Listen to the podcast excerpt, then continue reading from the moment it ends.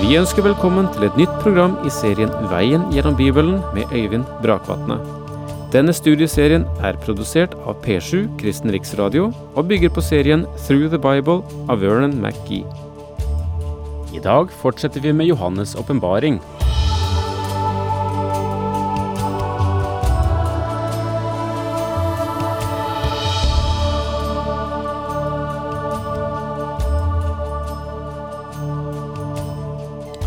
Så langt som vi nå er kommet i åpenbaringsboken, befinner vi oss i en meget fortettet, spent, men også glad situasjon. Der er kommet opp en bokrull, og denne bokrullen har syv seil.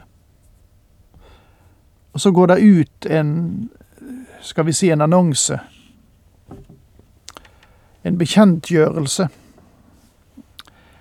både i himmel og på jord om det er noen som kan åpne seilene på den bokrullen som nå ble presentert. Og ingen kan det uten én, nemlig Jesus Kristus. Og nå får vi en beskrivelse av ham som senere er den eneste som kan åpne boken. Og Det sto bl.a. blant annet i det syvende verset slik:" Lammet kom bort til ham som satt på tronen, og tok imot boken av hans høyre hånd.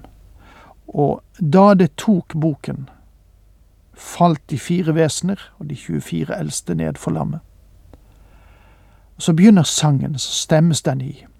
Det er en lovprisning fordi det finnes en, han som er forsoneren, som kan åpne boken. Verdig er du, sang de, til å ta imot boken og åpne seilene på den. For du ble slaktet og har med ditt blod frikjøpt for Gud mennesker av alle stammer og tungemål, av alle folk og nasjoner. Til et kongerike har du gjort dem, til prester for vår Gud, og de skal herske på jorden. Ja, så langt er vi altså kommet, og vi gikk gjennom noe av disse versene, altså vers 9 og 10, eh, sist men vi går inn igjen og arbeider mer med dette. Det står blant annet slik å ha med ditt blod frikjøpt for Gud mennesker av alle stammer.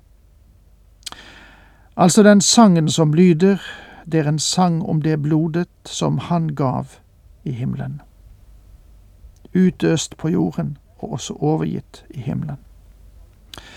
Jeg har inntrykk av at et, etter hvert som salmebøker nå blir revidert, så tar man bort en del salmer som henviser til Kristi blod. Men i himmelen, mine venner, vil de bli satt inn igjen i salmeboken. Så jeg håper ikke at du synes det er pinlig å synge om Jesu blod, for det kommer du til å gjøre i himmelen, min venn.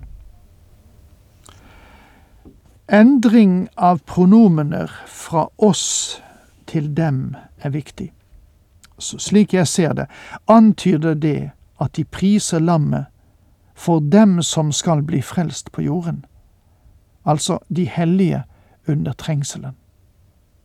Til et kongerike har du gjort dem, til prester, henviser til de hellige fra trengselstiden.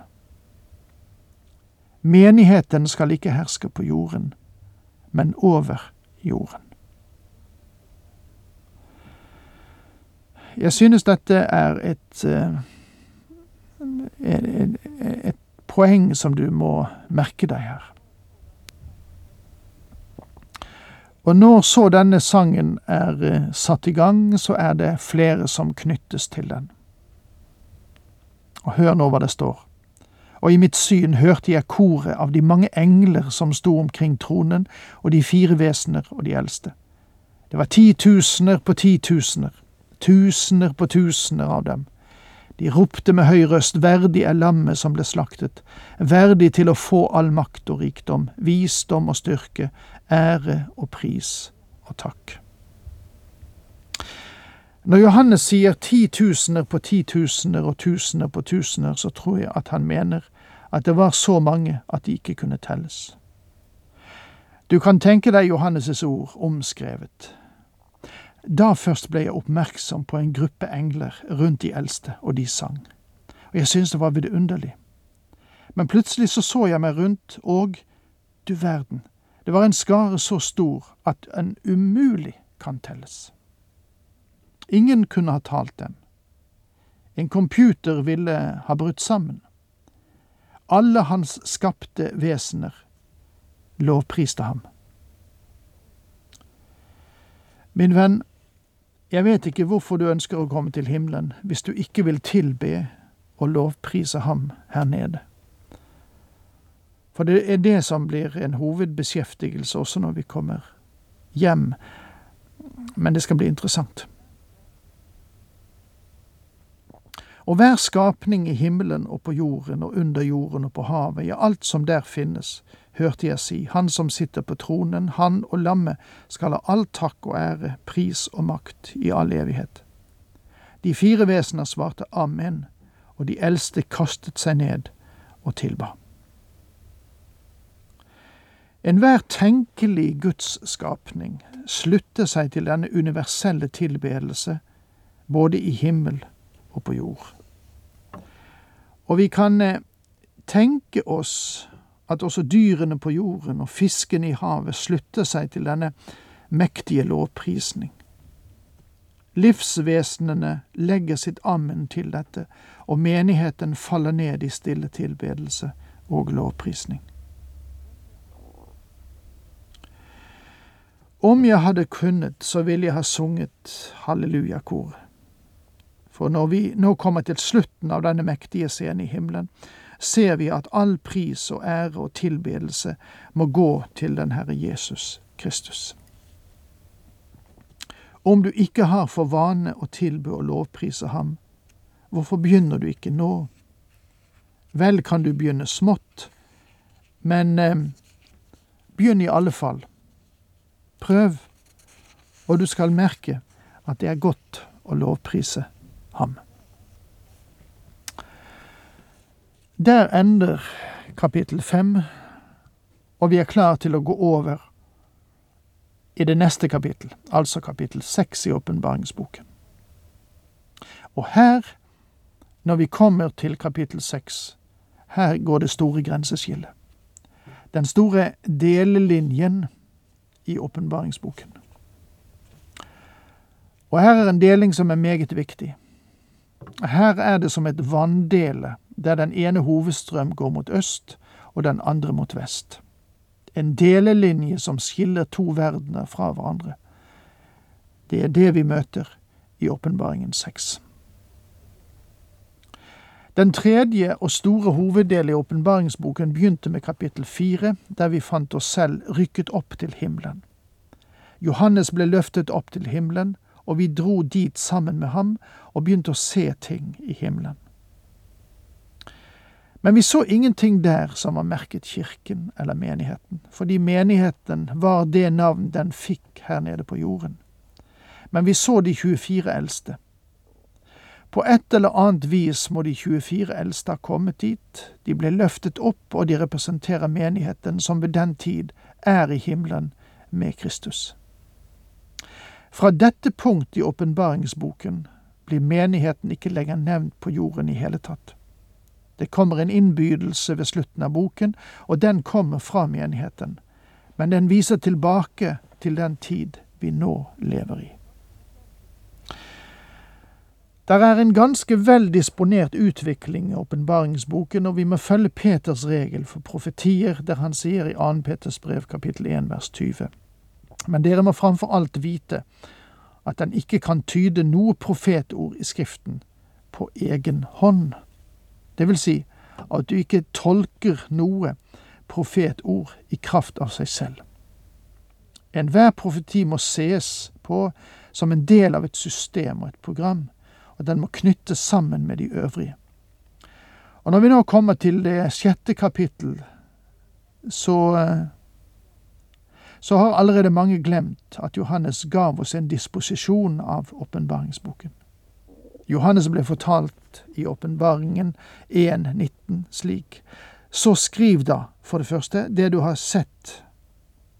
Det var det herlige syn av den triumferende og herliggjorte Kristus som øverste prest mellom lysestakene, der han holder lysene brennende her på jorden. Og for det andre, det som nå er, Det var de syv menighetene som representerer menighetens erfaringer på jorden fra pinsedag til parusien, dvs. Si bortrykkelsen, fra den øvre sal til den øvre himmel. Menighetens totale historie på jorden. Og for det tredje, og det som heretter skal komme. Meta tavta. Fremstillingen av menigheten på jorden ble avsluttet med kapittel tre.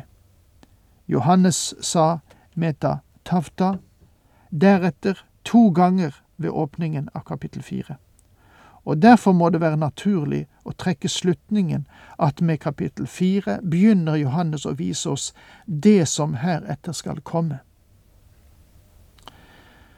I kapittel fire og fem var vi i himmelen med Johannes. Det første vi så var en trone, og den Herre Jesus var der.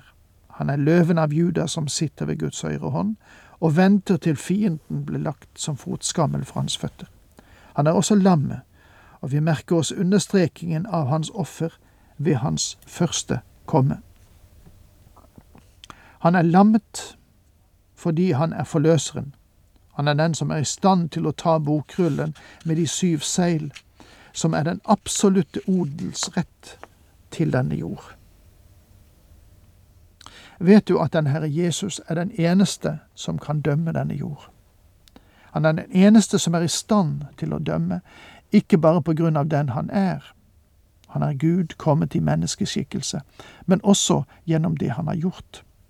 Han skapte denne jorden, og det gir ham en rettighet. Han blir tilbedt i kapittel fire som skaperen. Men deretter så forløste han også denne jord, og i kapittel fem blir han tilbedt som forløseren. Siden han både er skaper og forløser, er han den eneste som er verdig til å dømme denne jord. Han er den eneste som er i stand til å herske over denne jord. Hvilken grunn til ettertanke for mennesket som i begjær etter mer vil være dommere over jorden? Hvilken rett har vi til å felle endelig dom? Hvem tror vi at vi er? Og får jeg si til dere, mine venner, den Herre Jesus Kristus alene er verd å sitte som domsmann. Før noen mennesker kan stilles, stille med de samme kvalifikasjoner som ham, er han ikke i den posisjon at han kan dømme i egen kraft og med egne evner. En menneskelig dommer som ikke regner med Gud, er ikke verd å sitte og dømme noen. Den urettferdighet som gjennomtrenger vår verden i dag, er et resultat av små mennesker som sitter til doms over andre. Jesus Kristus er verdig. Og det er det bildet som blir gitt oss ved slutten av kapittel fem. Og så skal vi altså gå inn i kapittel seks. Men eh, det tror jeg vi må overlate til neste gang, for nå er faktisk tiden ute. Derfor, takk for nå, Herren med deg.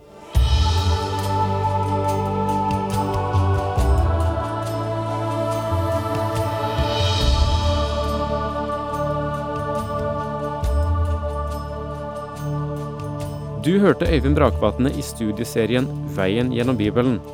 Serien bygger på et manus av Vern McGee. Har du spørsmål eller kommentarer til programmet, kan du sende en e-post til vgb krøllalfa p7.no. Takk for i dag, og på gjenhør.